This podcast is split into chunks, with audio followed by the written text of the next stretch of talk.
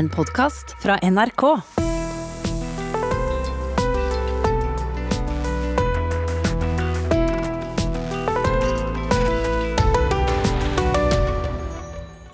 Om du har kohort julefrokost eller ligger under dyna og smugser på en serie mens sultne meis knakker på ruta, om du går i pysjen eller har jobba hele natta, uansett hvor du befinner deg, hver dag nå i romjula skal du få møte de jeg har hatt aller mest lyst til å snakke med, fordi de er imponerende, interessante, eller rett og slett fordi de har noe viktig å melde.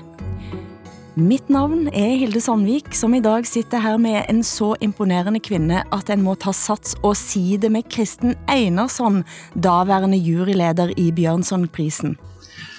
Cecilia Dinardi kom to år gammel til Norge som flyktning fra Chile. Hun opplevde hva det vil si å være barn i asylmottak, og senere hva det innebærer å være ung innvandrer i Norge. Denne innsikten motiverte Cecilia Dinardi til å skaffe seg norsk juridisk utdanning og til å arbeide som jurist med barns rettigheter som spesialområde. Men altså herifra, Kristin Slik har hun bidratt Dette blir altfor masse for meg. Du holder det gående igjen og igjen, altså. Vi må spole fram her nå. Cecilia Dinardi, du er nå advokat og partner i Elden, og denne lange rekken som Kristin Einarsson presenterte på en ganske rufsete film der ifra Molde da du fikk Bjørnsonprisen i 2016 nokså imponerende. Velkommen hit. Takk for det. Veldig hyggelig å være her. Altså, Jeg visste om ganske mye av det du har gjort, men da jeg hørte på Einarsson her fra 2016, så tenkte jeg på tyven av Gøran Tunstrøm. Det har jeg en tendens til ofte å gjøre som blant annet der skriver om å bli født med et lys inni seg, at noen blir født med et lys som kan strekke seg over ganske store deler av verden, noen klarer knapt å ha et lys som eh, stråler ut over seg sjøl, men hvor kommer din enorme ny lyskilde ifra? Og det var jo et litt vanskelig spørsmål. Uh, ja, jeg tror eh, det handler om eh, kanskje drivkraft som startet ganske tidlig i mitt eget barneliv, mm. ikke sant, på grunn av eh, kanskje de litt vanskelige forutsetningene mitt liv ja, kom under, da, og mye jeg opplevde ganske tidlig i livet som var med på å forme meg og, og prege meg, da. For nå er du, du er advokat og partner, men du er en av landets viktigste barnerettsforkjempere. Eh, og det at du havner der, og du sier drivkraften kommer av de vanskelige forutsetningene, det er jo veldig ofte Det er ikke det som skjer da, at en blir sterkere av det? Absolutt ikke, og det er vel, eh, ikke sant, det er jo det som er litt sånn paradoks å, å, å, tenke litt over, da. At, eh, at, eh, for dessverre veldig mange så går det jo ikke fullt så bra som det har gått med meg. Og det tror jeg også handler litt om for meg, da, at, at det har gitt meg en drivkraft, at jeg har fått det til. Og jeg har da følt en, en sterk altså driv da, til å kunne gi noe tilbake for å hjelpe de andre i lignende situasjoner, da. Mm. For du var tolv år, eh, hørte vi her nå, da du kom eh, til Norge fra Chile. Mm. Men veien dit hen var heller ikke så enkel? Absolutt ikke. Det er som jeg har sagt tidligere, at jeg, jeg har jo, hva skal jeg si, på mange måter opplevd eh, et ganske bredt altså, register av mange av de tingene uh, unge jeg jobber med i dag, har opplevd. Uh, og fra ganske tidlig av. Og jeg har også opplevd fra tidlig av institusjonalisering. Jeg har jo mm. bodd på kostskole i Chile, og, og, det har jo liksom preget ved seg, litt sånn institusjonspreg på en måte. Mm. Så det opplevde jeg også ganske tidlig. Eh, så, så ja, jeg hadde med meg en ganske stor bagasje, vil jeg jo si, mm. da jeg kom til Norge. Helt mm. klart.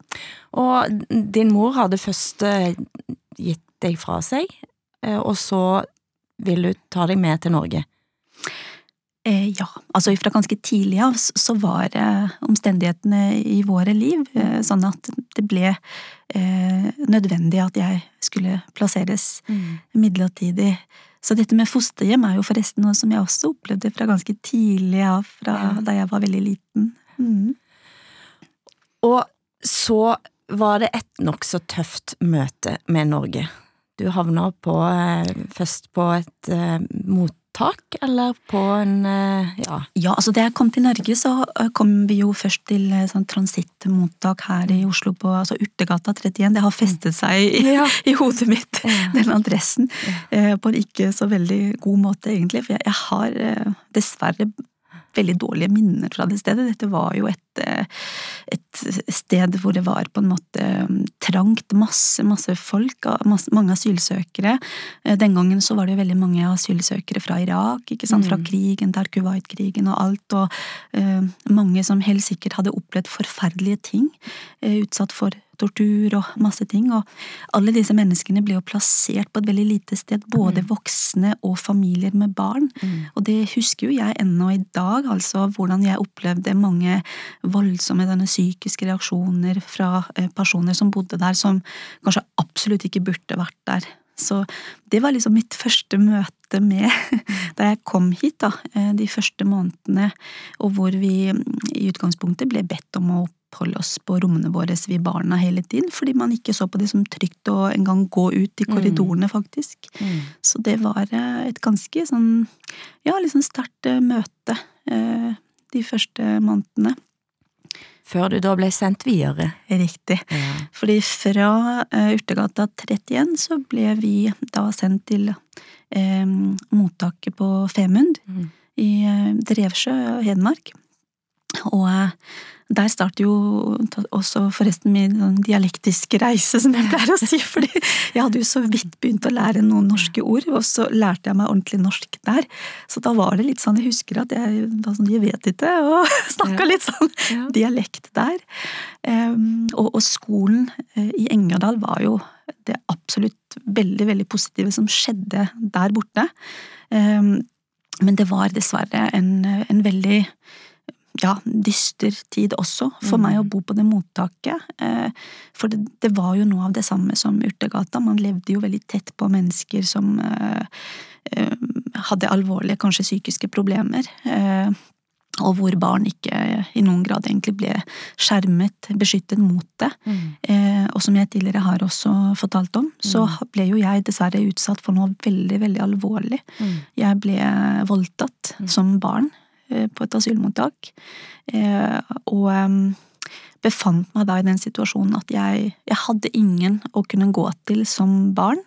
Eh, Og det var jo en veldig stor hva skal jeg si, barriere også generelt da, med å få tilgang til disse tjenestene man ellers har i samfunnet, som for eksempel barnevernstjenesten. Mm. Eh, Så, og med de språkbarrierene jeg også hadde som et ganske nylig ankommet eh, eh, asylbarn, så ble det jo praktisk talt umulig for meg å kunne gjøre krav på de viktige rettighetene jeg som barn hadde, eh, på lik linje som andre barn i Norge. Og dette tror jeg også er noe som veldig sånn veldig grunnleggende har festet seg i hele min ryggmarg, som ganske tidlig i, i, i Norge, da jeg kom hit, eh, gjorde et eller annet med meg, tror jeg, at dette, dette er ikke riktig, sånn, sånn kan det jo ikke være i dette liksom flotte landet med så mye bra.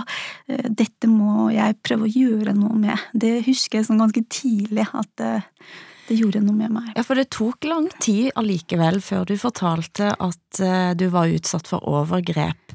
Eh, og i en av, de, eh, altså en av de gangene du fortalte om det, så la jeg merke til at du selv da hadde den lille organisatoren inni deg på en eller annen måte. Selv da, da du hadde blitt utsatt for et overgrep, så var din tanke hvordan skal jeg prøve å spare de andre for å oppleve det samme som meg? Og beskytte de andre? Ja, og det, det er sant. Jeg har egentlig alltid hatt noen sånn type refleks som barn, og spesielt da, som du sier, om hvordan kan jeg gjøre for å på en måte beskytte andre mot dette. Eh, og det var noe som også egentlig går litt tilbake fra tiden på kostskolen, hvor jeg var veldig opptatt av å prøve å være litt sånn klovn som skulle på en måte få de voksne til å rette oppmerksomheten mot meg, og ikke andre barn. For jeg mente alltid at jeg tålte det så mye bedre. Ja, og hvorfor gjorde du det? Altså, hvor Det kom det ifra? Ikke sant, jeg, jeg vet jo ikke helt hvordan det der henger sammen, men jeg har kanskje ofte hatt en sånn tanke om at jeg, jeg tåler det bedre enn hun eller han eller hun. Eh, og, og ja, vært litt sånn, stilt meg litt i fronten, da. Ja. Og det, det var det som kanskje også eh, kom til syne eh, i Norge, ikke sant, og hvor jeg tidlig var litt opptatt av at jeg ønsket å beskytte andre, andre barn. Men også det med at jeg fikk jo forferdelig dårlig samvittighet også, fordi um, jeg uh, det var blant annet det var et annet barn som også ble utsatt for noe på asylmottaket. Og jeg har jo for eksempel slitt med det senere, at jeg ikke klarte å beskytte det barnet. Mm. Jeg, jeg, vet ikke lenger i dag hvor det barnet har blitt av, men det, det, er faktisk noe jeg tenker på som plager meg fryktelig mye. Mm. Det er ikke rasjonelt, for det var jo ikke min feil, mm. men det er jo sånn barn er skrudd sammen. Mm. Barn retter på en måte ansvaret over mot seg selv, uansett hva, nesten. Og det, det er jo det som dessverre også handler litt om å være barn. Og så, har du vært der og med de erfaringene og, og havner selv i fosterhjem, selv om du er her i utgangspunktet med mor.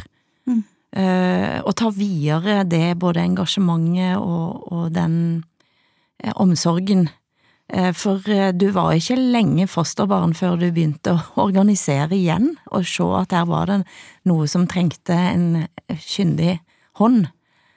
Ja, det stemmer det. Altså, det tok jo, som du var inne på, lang tid da, før jeg fikk hjelp fra barnevernet, men da mm. jeg omsider fikk hjelp, så, så ble jeg eh, plassert i fosterhjem. Mm. Um, og på den tiden, dette var jo ikke sånn på 90-tallet, da hadde man på en måte ikke kommet så langt med å, uh, hvordan jobbe med barn med minoritetsbakgrunn, hvordan, eh, hvilken betydning har eh, den kulturelle bakgrunn, språk, ikke minst. Så, så, så, den gangen hadde man ikke så mye kunnskap, tror jeg, og jeg fikk jo for eksempel ikke bevart mitt språk, spansken min, den forsvant på en måte litt, da.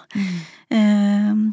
og, og um, dette med å på en måte sikre at man eh, ivaretar stemmen til et barn, hører på et barn, ikke sant, og tar det med i vurderingene som blir gjort om barnet, og lar barnet medvirke. Der hadde man ikke kommet så langt med det heller. Mm. Så det var noe som jeg ganske tidlig tok tak i og begynte å snakke med andre barnevernsbarn. Og, og, det tok jo ikke lang tid før vi plutselig hadde fått ringt det vi hadde hørt om en, noe som het Fosterhjemsforeningen. Ja, det, ja, der må vi ringe, tenkte vi. Og det, var, og det var i jevnaldrende, og hvor gammel var du da? Det, den gangen var det vi var tre stykker, mm. Og vi var vel sånn 15 år, ja. 16 år og begynte å snakke om at nei, det her er ikke riktig, altså. Her må vi virkelig ta tak i, vi må, uh, vi må uh, organisere oss, husker jeg. Det var nesten litt sånn aktivistisk. Ja, ja. Uh, vi må rett og slett bare organisere oss, altså. Ja. og så gjorde vi jo det, da. Mm. og da vi ble nok koblet til at vi kunne ringe Fosterhjemsforeningen, og de syntes jo dette var bare helt fantastisk. Mm. Så de støttet oss, vi, de ga oss litt penger så vi kunne få trykket noen brosjyrer, husker jeg. Så vi var jo syntes det var veldig staselig å få, få, gjort det, og reiste rundt eh, barnevernstjenester på Sørlandet og institusjoner og delte ut brosjyrer og spurte om vi kunne fortelle litt om viktige rettigheter eh, barnevernsbarn har. Og, og hva heter dere? Gnist? Nei? Sørlandsgnisten. Sørlandsgnisten. Ja. ja.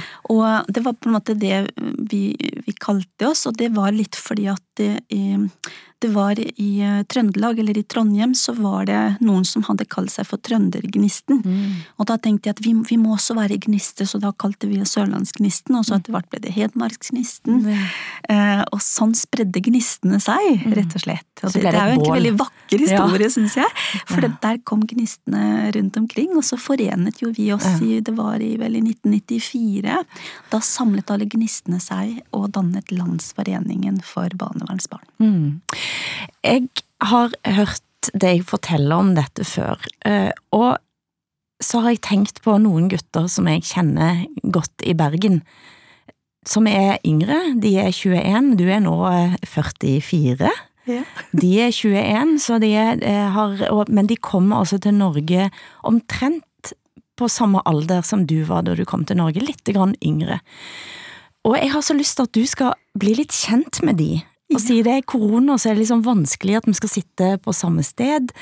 Jeg inviterte de, det er Wasim Asi og Moshin Al-Kamlishi, eh, til å komme hjem til meg, og vi satt rundt kjøkkenbordet, og jeg spurte Wasim først hva om han kunne fortelle om sin erfaring.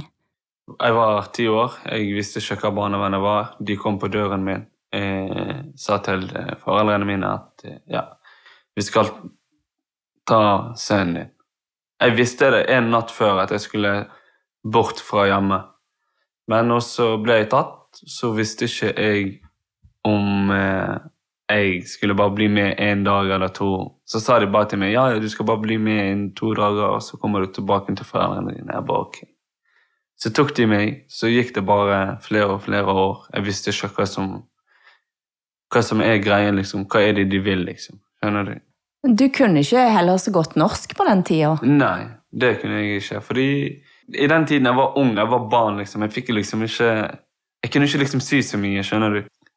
Jeg ble jo der i mer enn tre år, på den institusjonen. Jeg snakket ikke så ganske bra norsk, men snakket greit norsk, de kunne forstå meg, liksom, det jeg prøvde å forklare. Også. Så skjønte jo jeg hvorfor det gikk eh, hvorfor jeg bodde hos barnevernet. Så det var i den tiden eh, det er sånn jeg ble kontaktet hos barnevernet. Hva fikk det å bety for deg seinere? Det har ikke betydd så mye for meg, fordi det har ikke hjulpet meg som person.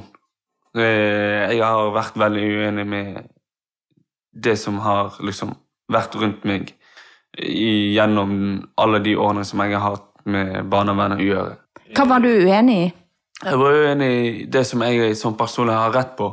Som personlig, Det er det de har sagt at jeg skal ha. Det er det de har sagt at de skal passe på meg, ha, ta vare på meg, ha omsorgen på meg. Ikke føle meg truet, ikke føle meg lei meg, ikke føle meg eh, Sånn type ting, hvis du skjønner. Så det ble liksom aldri noe av det. Det ble liksom bare snakk om det. De lovte meg bare det, men det ble liksom ikke De, liksom, de klarte ikke å gjøre det, liksom. De klarte ikke å gjøre det de sa. Skjønner du? Eh, mistet tilliten til dem. Jeg eh, måtte bruke vold. Jeg måtte bruke min energi for å bli hørt av dem. Måtte bruke vold? Du måtte vel ikke det? Jo, faktisk. I denne perioden der, i, i institusjonen og opp, opp gjennom det jeg har gått gjennom med de som prosess, så måtte jeg det for å beskytte meg som person, så måtte jeg faktisk gjøre det. Men eh, hvordan går det med deg nå? Som personlig, det er jo Det går jo bra. Jeg skal ikke si det ikke går bra. Jo, det går jo bra, men det er liksom det er en ting som plager meg som personlig. Det er jo en ting jeg vet at det har plaget meg i, i mange år, og jeg har klart ikke å gjøre noe med det til nå. Fordi jeg har ikke fått de rette folkene som klarer å innse at det her er et problem. Skjønner du? Hva er det som har hjulpet? Det som har hjulpet, er å bare presse på det som sårer meg som person. Presse på de sårene som jeg ikke klarer å gjøre noe med her og nå. Det er det som har hjulpet meg, som kan komme meg videre. Og i tillegg det som de som er rundt meg, skjønner du, det som er vennene mine, familien min Alt det som Ja, sosialt person. Skjønner du, jeg er veldig sosial, så jeg lar, jeg lar ikke ting gå utover jeg Men jeg har jo selvfølgelig mine tider. Jeg har jo selvfølgelig Når jeg har med meg selv, og sånn, selvfølgelig tenker jeg jo selvfølgelig på de tingene som sårer meg. Skjønner du? For det er jo sånn en ting du ikke kan glemme. liksom. Det er jo Ja. Moshin, du er jo en av uh, Wasims uh, venner, og du uh, har kjent Wasim veldig lenge. Ja, vi ble egentlig kjent samtidig. Altså, vi ble kjent eh, Vi kom til Norge samtidig og flyttet inn i samme blokk. Så vi har egentlig kjent hverandre hele tiden. Og du har òg en erfaring med barnevernet? Ja. Eh, jeg har en litt annen erfaring, men eh, jeg kjenner igjen mye av det han sier, og kan være enig i mye av det. Spesielt det med vold og jeg forstår veldig godt hva du sier. at liksom du, Hvis du snakker rolig Det har vært situasjoner der jeg òg snakker rolig og prøver å formidle det jeg har å si, men du blir ikke hørt. Jeg har egentlig ikke et godt svar på hvorfor, men med en gang du blir voldelig og utagerer Det er der så, de reagerer mest på. Ja, ja. Det er der de tar liksom situasjonen seriøst. Ja. Men de tvinger ut det verste. De tvinger jo det ut ja. av deg som person. Mm. Skjønner du? Men altså, Dere var jo ganske unge, og hvor gammel var du Moshin, eh, da du mm, første gang hadde kontakt med barnevernet? Jeg var 13 år, og det var litt annerledes med min situasjon. Da var det, da var det det at jeg hadde Jeg sa fra til en kompis rett og slett at ting var ikke helt ok hjemme. Og, eh, og så ble dette tatt seriøst og ble tatt videre til skolen. Eh, og så gikk plutselig ting veldig kjapt, egentlig. Fra, fra dagen jeg sa det til Altså dagen etterpå var jeg tre timer unna alle vennene mine, familien min. Og, og ja, var litt sånn i samme situasjon. Ble ikke fortalt at ja, nå reiser du for godt, liksom. Du, du vet ikke om du skal være vekke i et døgn, eller om det er to uker eller flere år. Det jeg opplever som har vært det som har vært vanskeligst i etterkant, det er samvittigheten og eh, den følelsen av at du føler at du på en måte har ødelagt så mye for din familie, og sånt, og så er det på grunn av at du ikke har blitt hørt på det du har sagt og ønsket, Mm. og ikke blitt satt seriøst fordi du er et barn. Du skulle heller ønske at den gikk inn eh, i familien din, forstår jeg deg rett da? Og, og og gjort, gjort noe der. Ja, Gitt sjansen. ja Ja, og ja, kommet med tiltak som kunne Ja. hjulpet, fordi Jeg har òg tenkt sånn Ikke gå inn i meg som person, men gå iallfall inn i familien hvis det er det som er problemet. Ordne opp rundt det, liksom. Skjønner du? For det er det, det, det, det du står igjen med. Skjønner du? Og jeg vet at liksom de som har vært rundt meg, og de som har jobbet der liksom på stedet, de er liksom De er sjokkert selv. Hvordan, hvordan kan det liksom gå an? Hvordan, Hvordan kan kan et barn Mm. bli behandlet på den måten? Men, men er det noe positivt da, Moshin? Det er veldig mye positivt, og eh, det, har, altså, det har tatt tid å komme dit, men eh, Og reisen har vært lang, men det har vært verdt det, og jeg bor fortsatt, selv om jeg er 21, så bor jeg med min fosterfar og trives godt her, så jeg føler jo på mange måter at det har jo gjort meg til den jeg er, og jeg vil jo på en måte ikke endre noe, men samtidig så vil jeg det. Men det var heller ikke helt opplagt. Nei, Nei. Det, det skjedde ting med andre fosterfamilier som eh, Det kunne gått, ja. Eh, Det var ikke bare å si hva du ville, og så blir du hørt på det. Du måtte jo rømme eller klikke eller eh, Krige, slå eller kri ja. krige for Ja. å bli hørt. For det var Det nyttet ikke å si at 'jeg vil tilbake til Bergen'. I ni måneder så var det liksom det du ønsket deg og sa hele tiden, men du blir ikke hørt på det. Så du må liksom Du rømte. ja, jeg rømte, og jeg husker de skulle flytte meg til en institusjon i Tromsø. Og jeg tenker at hvis jeg ikke hadde utagert og klikket den dagen, så hadde jo jeg ikke vært her jeg er nå. Da hadde jo jeg sikkert blitt flyttet til den institusjonen i Altså, det er så sykt da, at det er det som skal til. At Ja, det, ja, du må se den ekleste siden av en person Mm. og skjønne at det er akkurat det. Men det var jo sånn med meg òg. Når jeg Mm. måtte flytte til Stavanger. Jeg, ble, jeg våknet jo med to politimenn som står rett det utenfor er døren min. Liksom. Sivil. Wow. Står med døren sin. Jeg, jeg, det var helt sykt. Og hvor gammel var du da?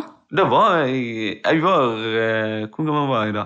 15-16? Sånn. Ja, det er jo helt sykt. Går med to politimenn og liksom, Jeg våknet, jeg bare spurte de sånn Hva gjør dere, liksom? De bare ja, men vi skal følge deg ned til Stavanger. Følte de meg ned? De sa sånn til meg hvis ikke du går rolig inn på flyplassen, så tar vi håndjern på deg. Og jeg hadde jo ikke lyst til å gå inn med håndjern på, på, På flyplassen. flyplassen. Det ser jo for dumt ut.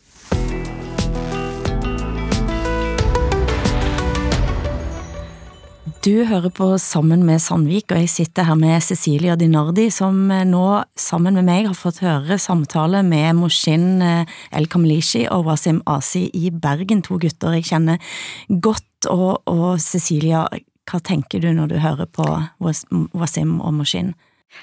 Ja, jeg tenker aller først at det er veldig sterkt å høre på de guttene. Det, det de har opplevd, og det, hvordan de klarer å formidle, er jo veldig sterkt. Og det er klart at det gir meg jo også veldig mange referanser til mine egne erfaringer. Eh, og, det gir jo på en måte liksom perspektiv, da. At ikke sant, mye av det som jeg har selv erfart som ungdom for en god del år siden, det viser seg jo å være dessverre fortsatt gjeldende i forhold til at eh, ja, det er ennå i dag veldig traumatisk for barn å bli akuttplassert, og hvis det ikke blir gjort på en mest mulig, best mulig skånsom måte, så vil det kunne bidra til noen skader for de barna i senere tid. Og så er det dette med at når barn ikke blir tilstrekkelig hørt og lyttet til, og, og at ikke de får medvirke i egen prosess, så ser jo vi, sånn som vi hører guttene her, det, det kan føre til at de driver frem noen ganske dårlige strategier hos de barna. Ja, De snakker om å bruke vold for Ja. å bli hørt, og jeg spurte de flere ganger måtte dere det, og de sier ja, vi måtte det. det. Hadde jeg ikke gjort det, så hadde jeg vært i Tromsø nå, som Moshin sier.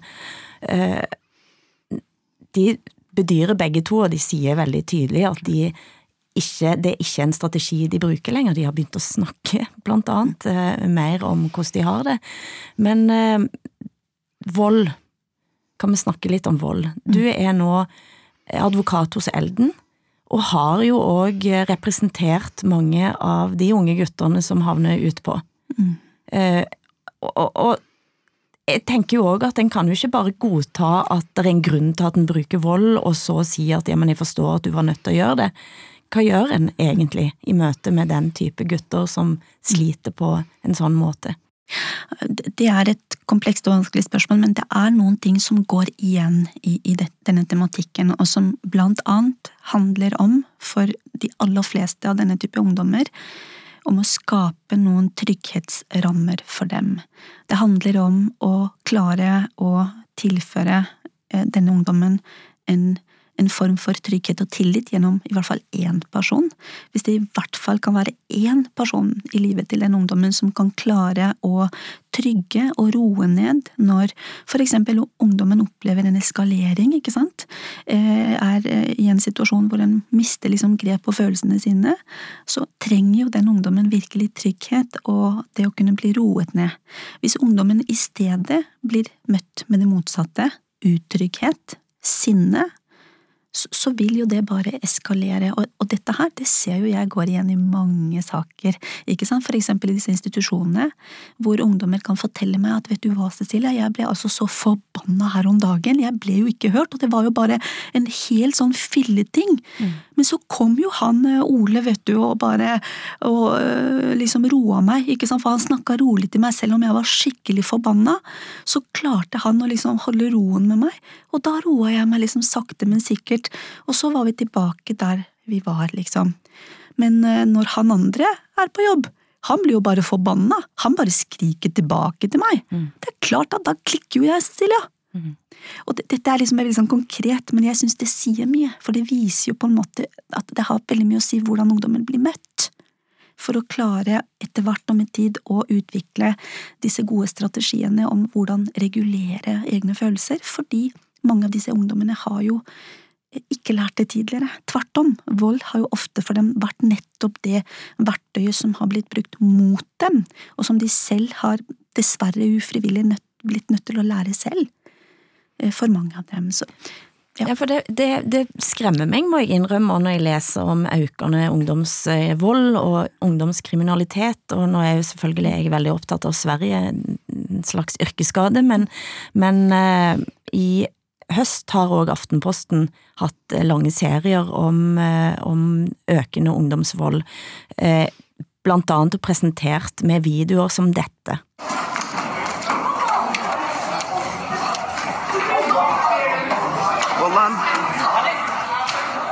Og her ser en altså ungdommer gå løs på hverandre på ganske voldsomt vis, og denne type klipp har en begynner å versere mange steder.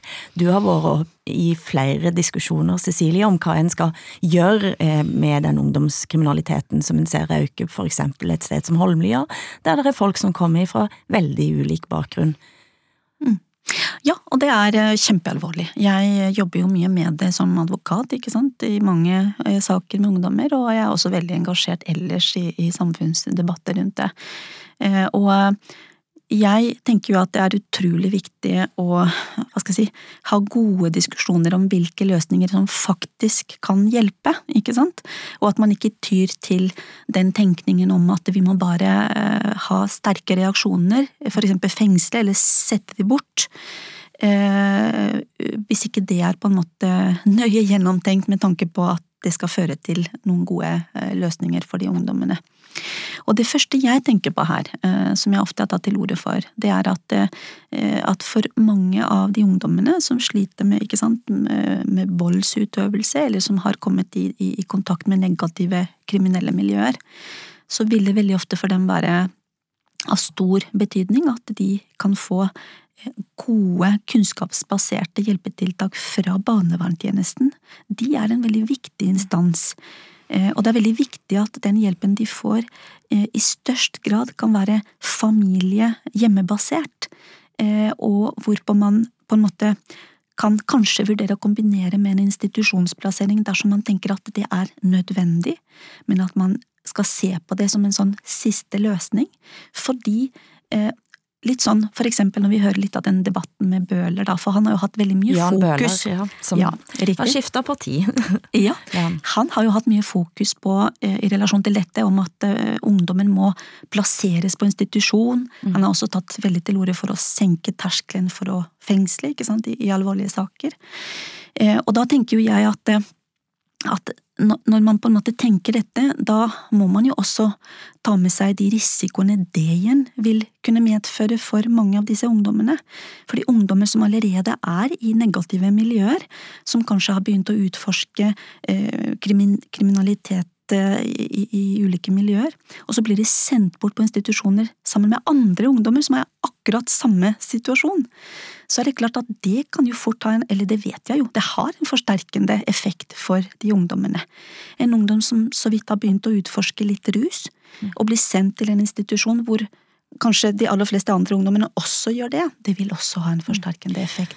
Så det i seg selv er ikke bra, men hvis man samtidig, eller i stedet da, kan fokusere på disse gode faglige eh, tjenestene fra barnevernstjenesten, eh, sørge for at en ungdom kan få riktig og egnet hjelp i familien, og involvere miljøet, nettverket og de andre instansene, så mener jeg at det vil på sikt også føre til mye bedre hjelpetiltak for ungdommen. Nei, En hørte blant annet Moshim og, og, og Wasim da si at Moshim og Wasim at, eh, at de ville heller ønske at noen gikk inn i familien og, og jobba med de utfordringene som var der, enn, enn å bli tatt ut eh, av familien. Og de snakker ganske mye om mor, og vi kan høre her hva Wasim sier når jeg spør om akkurat det. Forstå familien, forstå kulturen, forstå hvor de kommer fra. Ikke vær fordømmende med en gang du ser at det er en feil. Forstå, Gi sjanse til en person. Skjønner du? For Hvis ikke du gjør det, og du forlanger, sånn som han sier Du tar isolerer, du tar barna fra moren, og du forlanger Du ødelegger jo bare mer og mer. Fordi Ja, i, liksom, det ødelegger mye liksom, mer enn det du fikser. når du blir eldre og du ikke har oppvokst med moren din, det er ikke det, det samme. Mm. Det blir ikke det samme. Skjønner du? Det blir helt rart.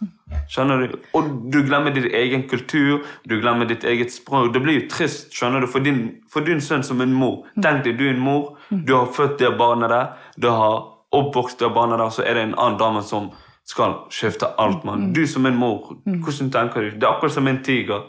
Hvis du har en tiger og du har barn, og du prøver å ta et barn, den angriper jo deg. Skjønner du? Det var et veldig godt bilde han ga på slutten. Har du sett disse tigermødrene? Ja, og fedre og Ja. ja. Og det, det var veldig veldig betegnende det han sa nå, ikke sant. For det, det er jo, og spesielt kanskje for ungdommer, altså jo større barnet er, eh, jo større eh, forhold har de også til dette med at, ikke sant, at de, de etterlyser hjelp til å på en måte reparere eksempel relasjoner i familien, og ikke minst til at foreldrene deres kan få hjelp til å på en måte få bedre foreldreferdigheter. For barna vil ofte det. De vil jo ha hjelp også til eh, ikke bare seg selv, men foreldrene, ikke sant. Og det er det jo dessverre i mange tilfeller litt mangel på når ungdommer blir plassert bort, at man på en måte har et større fokus på å skjerme de, sørge for at de har det bra der de er, og så blir det mindre fokus på å jobbe med relasjoner og reparasjoner av det, eh, det som er, har vært i hjemmet som ikke har vært bra. Og, og, og det er klart at ungdommer skoleres dessverre ikke for mye, eller ikke godt nok da, om veien til voksenlivet. Og vi vet at de aller fleste barnevernsbarn, når de fyller 18 år, så søker de seg tilbake til familie, men da, da har jo ingen relasjoner blitt jobbet med, ingen prosesser har blitt reparert, jobbet med der heller, og da kan de oppleve noen ganske store vanskeligheter i livet. Du har sjøl ikke særlig kontakt med din mor nå, Det er riktig. mm. men du er sjøl mor. Ja. Mm. Og eh, hvordan har den veien vært? Ja, det har vært en veldig tøff, eh, veldig tøff eh, vei for meg selv personlig. Um, Jeg eh, har jo en mor som jeg er veldig, veldig glad i, men som jeg ikke har hatt kontakt med på veldig lang tid. Mm. Eh, Og jeg tenker at Eh, Kjenner du da igjen Wasim når han sier det, er- det, det er jo ikke sånn det skal være? Absolutt, fordi jeg kjenner jo igjen litt det at øh, jeg skulle også ha ønsket meg at da jeg var ungdom, at jeg kunne ha fått øh, hjelp av barnevernstjenesten til å kunne få ha en sånn reparasjonsprosess med min mor, for eksempel, og at hun også fikk hjelp til det. Og, så jeg kjenner igjen det. Eh, og jeg kjenner også litt igjen dette med det sterke behovet for å kunne forsone seg med det som har vært. Og det er veldig vanskelig å forsone seg med det som har vært, hvis ikke de som kanskje har gjort noe feil, på en måte tar inn over seg det. Mm. Og hvis ikke det som er feil, da, kan, kan bli rettet på, og kan bli bedre, da. Mm. Og hvordan kunne en ha gjort det? Ja, jeg tenker at, eller det vet jeg, at for veldig mange mm, barn og ungdommer i, i barnevernssystemet, så vil på en måte det ha en stor betydning at de kan oppleve å få den bekreftelsen om at fra sine foreldre, for eksempel, at det, det som har skjedd var ikke din feil. Det var ikke din feil. Det var mitt ansvar. Det var jeg som gjorde en feilvurdering, eller gjorde feil. Det var, det var ikke din feil. Det tror jeg er veldig viktig for veldig mange ungdommer for å kunne komme videre. Og på samme måte som at for eksempel en barnevernstjeneste også kan gi en slik sånn bekreftelse til en ungdom, at de kan makte og evne å og, og, og, og på en måte ta ansvar da, når noe har gått feil. Fordi barn igjen har jo så lett for å vende det mot seg selv. Og nå, du har vært mor lenge, Cecilia. Du altså har et barn som er godt voksent nå. Fordi du fødte altså, det har jeg lest, med Pearl Jam på kassett. Presser du ut ei lita jente da du var 17 år. Ja. ja, det er eh, vanvittig tidlig. Det er nesten sånn at jeg skjønner det ikke helt i dag når jeg tenker på det. Det er helt sånn Blir liksom forskrekka bare jeg tenker på det. Det er jo altfor tidlig. Altfor tidlig. Altfor tidlig, men det skjedde. Det skjedde absolutt. Og var du da i foster? eh, Nei, du da, altså jeg, dessverre så jeg flyttet jo litt frem og tilbake i ulike fosterhjem uten at det fungerte, eh, og eh, endte jo da opp i en hybel som 16-åring, eh, og, og ble gravid. Ja. Ja. Det skjer hvis en ikke passer på. Og jeg skulle jo aller helst eh, ha fått være i en familie og fått være barn og få en trygg ramme og omsorg og slippe å tenke på annet enn bare det å være barn. Og, men så ble det noe sånn, og det endret jo livet mitt totalt, selvfølgelig. Eh, Jeg måtte jo på en måte, ja, eh, ta et, et veldig stort ansvar, håndtere det, og sette jo egentlig mine egne interesser litt sånn til side, da. Så det ble jo en slags eh, ganske kraftig byrde for meg, eh, som jeg måtte forholde meg til. Så Du hadde jo ikke særlig gode eh, opp, altså, vilkår for å vite hvordan det var å være en mor. Absolutt ikke. Altså, mine forutsetninger var jo ikke helt optimale, for å si det forsiktig.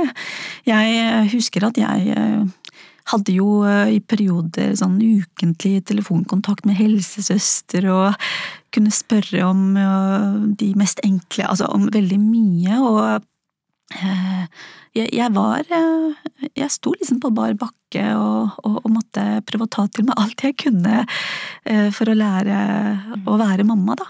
Var du en god mor? Både og. Mm. Jeg var jo en så god mor som jeg kunne være. Eh, Og så hadde jo Jeg var jo ung, og var jo i en vanskelig livssituasjon. Så jeg, eh, jeg har jo ikke alltid vært en god mor, og det har jeg vært veldig sånn eh, det er en sånn vond, litt sånn opprivende ting, det der å kjenne at man ikke alltid har vært en god forelder. Men fordi jeg har min egen historie, min egen bagasje, og med litt sånn eh, uforsonet eh, eh, liksom bakgrunn med min egen mor, så, så ble det på et tidspunkt også viktig for meg å anerkjenne det, bekrefte det for min egen datter, Mm. eh, ikke sant? Um, så så det, det har jeg gjort, og det tror jeg har vært veldig viktig for min datter, ikke sant? Så, um, og så har jeg jo på en måte blitt en bedre og bedre mor med årene, det er jo Det å være tenåringsmor er jo ingen lett oppgave, ikke sant?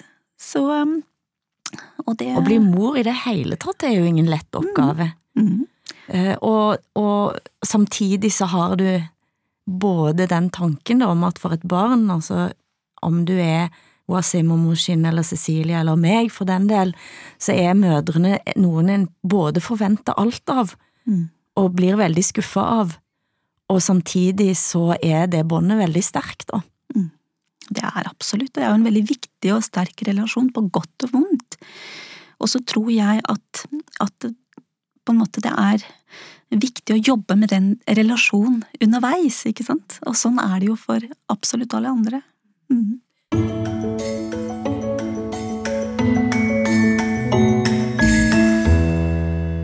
Du hører på Sammen med Sandvik, og jeg sitter her sammen med Cecilia Dinardi.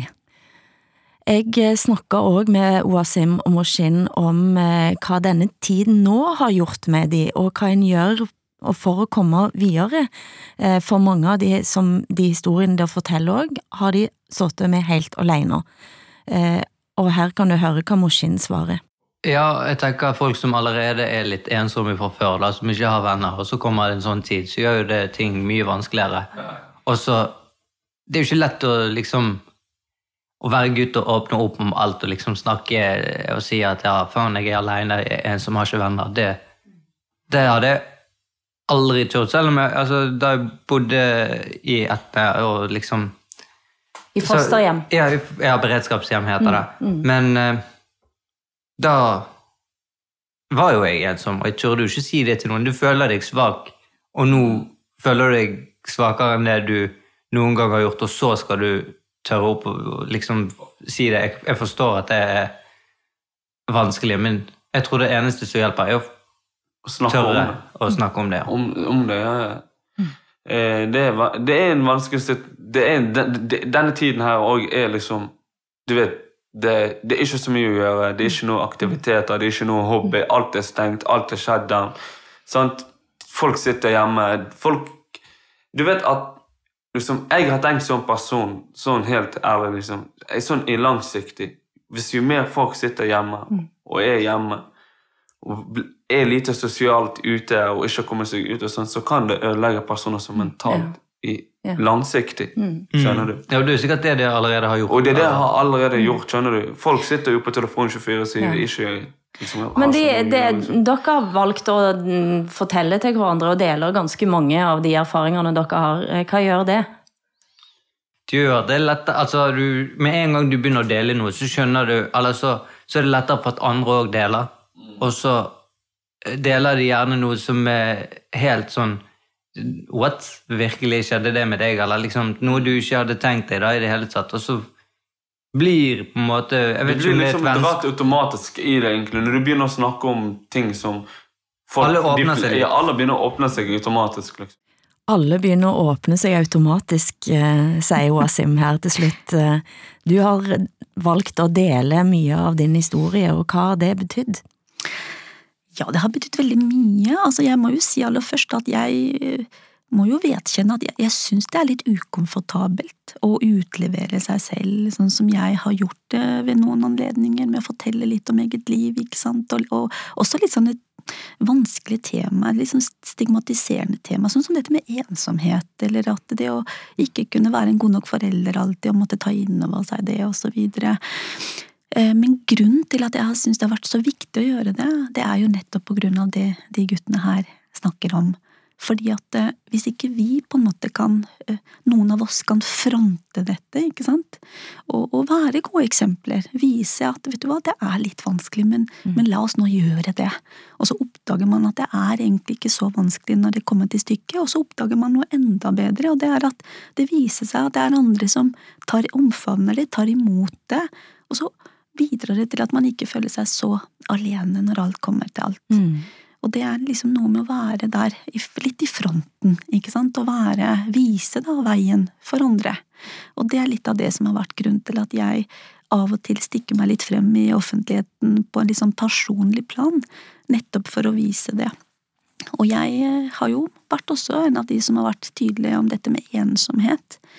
Eh, Jeg har jo selv erfart eh, ensomhet på, på ganske dystre plan, da, som ungdom, ikke sant. Det å være av utenlandsk bakgrunn, nettopp ha blitt eh, skrevet litt sånn ut av barnevernssystemet, ikke sant. En 16-åring, hybel og eh, ikke ha familie.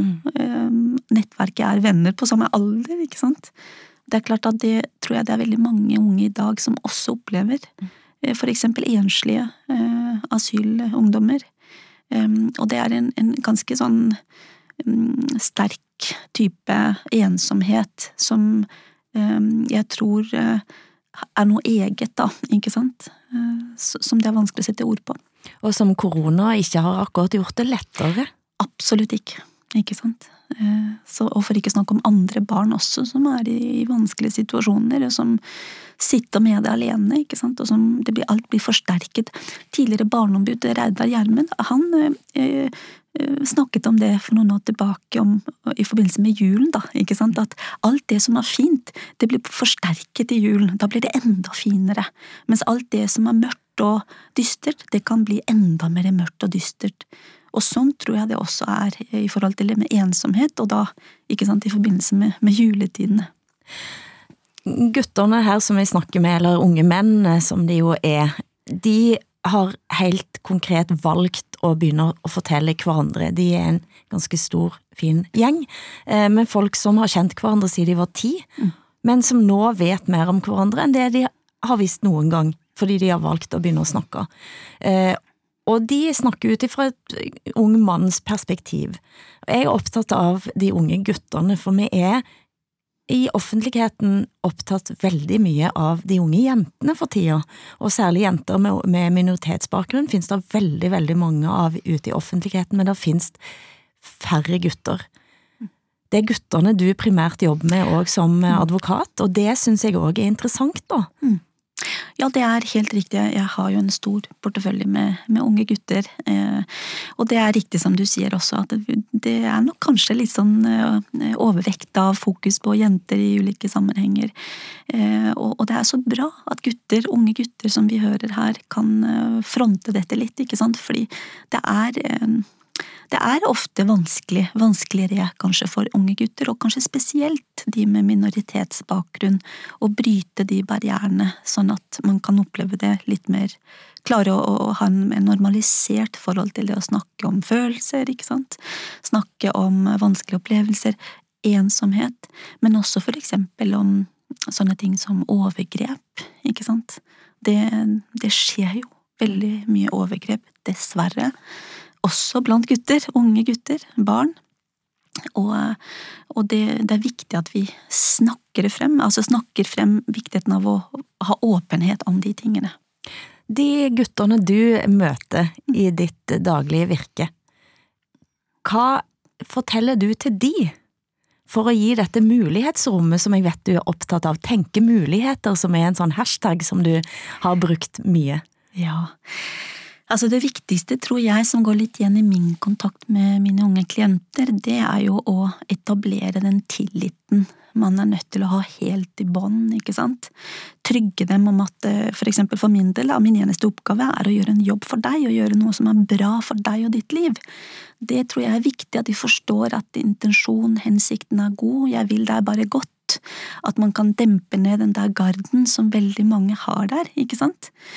Og så har jo jeg en veldig god advokatfullmektig, firbent en, som hjelper meg veldig mye i den prosessen. Ja. Ja. så det er klart at det, det, hjelper mye for meg. Og så er det noe med det å, det å klare å, å, være litt sånn tidlig i, i den der kontaktfasen med å senke terskelen for å tørre å snakke om de vanskelige tingene. Jeg har et sånn veldig normalisert forhold til det, ikke sant, så når de da hører meg snakke at å ja, hun snakker om det og det som om det ikke skulle vært noen ting, å ja, å ja, ok, så da kan vi snakke om det, og det å trygge de Jeg har jo en taushetsplikt, ikke sant, som er veldig streng. Eh, det å skape alle disse trygge rammene, så de kan oppleve at etter hvert at det går an å snakke om de tingene, det er trygt. Eh, og jeg tar de på alvor. Ikke sant? Det er de rammene der jeg tror er veldig viktige, og ikke minst å, å ta de seriøst. Altså det de sier, ta det på alvor. Eh, og prøve å skaffe seg en best mulig forståelse av deres uttrykk. Hva, det, hva er det de formidler for meg? Hvordan kan jeg hjelpe dem med det? Det er mange som syns det er ganske provoserende at du sier disse tingene. Jeg vet at du var på TV og radio og snakket om ungdomskriminalitet Mm. etter at eh, justisministeren gikk ut den gang Kalmyr og sa at han ville streng, gjøre, gjør det strengere for eh, de ungdommene som begår kriminalitet, og det snakket du om. Og da skjedde det noe. Hva skjedde i innboksen din og Ja, telefonen Hva, hva var det som ikke skjedde? Alt jeg på Ja. Jo da, jeg fikk ganske mange kraftige reaksjoner og Ja, og det verste var vel det som skjedde med meg i Kristiansand, hvor jeg ble nesten eh, overfalt. Det var eh, en person som kom mot meg og eh, skjelte meg loddrett ut. Kalte meg for hva var det for noe jævla fittetryne. Mm. Eh, var rasende for at jeg kunne sitte der eh, for å, altså, på TV og si eh, sånne ting som jeg sa. Eh, og, eh, kort fortalt så var det jo det at jeg, jeg hadde jo formidlet at det er ikke til barnets beste å tenke at fengsling og, og det å senke terskelen for det skal liksom være løsningen på dette problemet. Og det er, det er jo interessant da, eh, hvordan dette kan provosere frem noe hos folk. Det, ja, det, det, det var noe jeg tenkte litt i etterkant. Eh, Men det er klart det at man bruker litt sånn etos litt sånn i politiske diskusjoner i forhold til dette med at det er klart det er et alvorlig problem at ungdommer eh, kan ty til kanskje enda alvorligere type kriminalitetshandlinger. Eh, Men, men vi er nødt til å holde hodet kaldt. Vi er nødt til å støtte oss til forskning, til faglige vurderinger. Vi har en, eh, en tradisjon innenfor strafferettspleien her i Norge om at eh, fengsling av barn, det gjør vi ikke. Det gjør vi bare når det er helt nødvendig. I samtalen med Moshin og Wasim så kommer det opp at de har òg ganske vonde opplevelser med barnevernet. De har noen gode, men så har de noen veldig vonde. Og Moshin spurte Wasim hva vil du, hva vil du egentlig, hva ønsker du å oppnå, og dette svarte han. Du har ikke tilgitt dem? Nei, for jeg har lyst til å vise fortsatt at man her i Norge så er ikke de systemene som vi har, de går rundt sånn som de skal. Hva skal til for at du tilgir dem? Det er ingenting som jeg skal Jeg skal ikke ha noe. Jeg vil ikke ha noe som kan gi meg noe. Om det hadde vært at jeg får penger for det, så vil ikke jeg ha det. Hva er det? Men det jeg vil ha, er at folk skal skjønne at vi lever i Norge, men det er ikke alt som vi tror det går rundt, det ikke gjør. Skjønner du? Mm, og det ja. skjer feil der òg. Mm. Og at folk får oppleve det. At oi, andre barn ikke får oppleve det jeg har opplevd. Skjønner du? Mm. Det er det jeg har lyst til å fremstille her. Ikke noe mer. Mm. Jeg skjønner. Ja, Jeg kjenner meg jo igjen med de, og det er jo litt dette med forsoning. Altså, det er systemet som må bli bedre, og det er det som kanskje vil gi de guttene en ro i sjelen, når de kan oppleve at det skjer. Og kanskje for meg også. Og deg òg. Du, eh, jeg syns jo her at jeg sitter og snakker med det som må bli Norges barneombud på et eller annet tidspunkt. Ja, Har du et barneombud i magen. ja jeg, jeg, kanskje jeg kan være litt sånn skyggebarneombud, litt sånn mini-barneombud. Det er jeg veldig fornøyd med. ja. Jeg vet at eh, du eh, hadde blant annet jobba sammen med daværende barneombud Trond-Viggo Torgersen i den tiden da en skulle få tilsynsfører på plass. Ja, det stemmer det, og det er jo fryktelig lenge siden. Jeg, det, jeg, jeg var jo kanskje 16 år eller noe. Det var liksom første møte med Barneombudet, husker jeg. Det var ordentlig stort. Eh, Og det stemmer det. Da var det jo i forbindelse med da vi i Sørlandsgnisten jobbet med å få på plass tilsynsfører, som jeg for øvrig ikke fikk den gangen. Du fikk ikke Nei, tilsynsfører. Ikke sant? Og så har jo jeg gjennom tiden vært litt sånn klegg på det ene etter det andre barneombudet, og jobbet med forskjellige ting. Og eh, ble du møtt godt av barneombudet?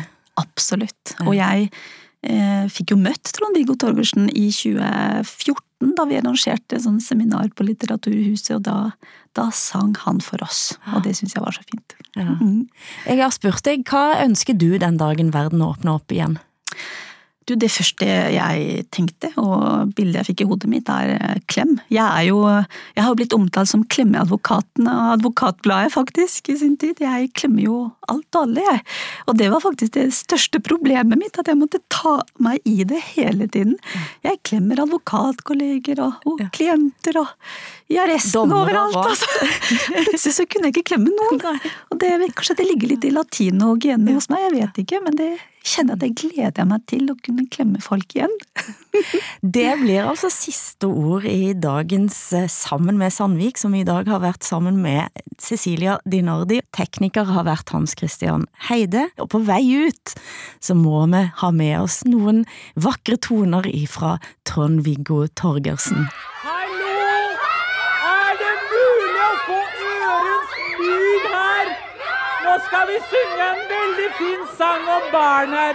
Ja, vær stille da, sitt ned, Reidar Aase. Vær stille, nå begynner første, sa Jan. Nei, forspill her nå.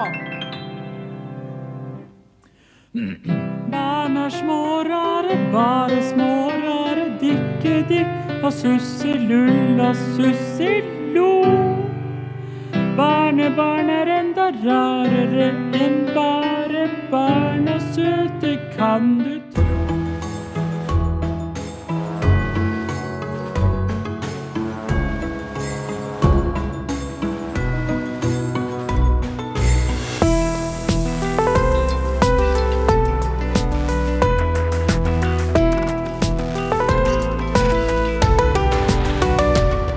Du har hørt en podkast fra NRK. Hør flere podkaster og din NRK-kanal i appen NRK Radio.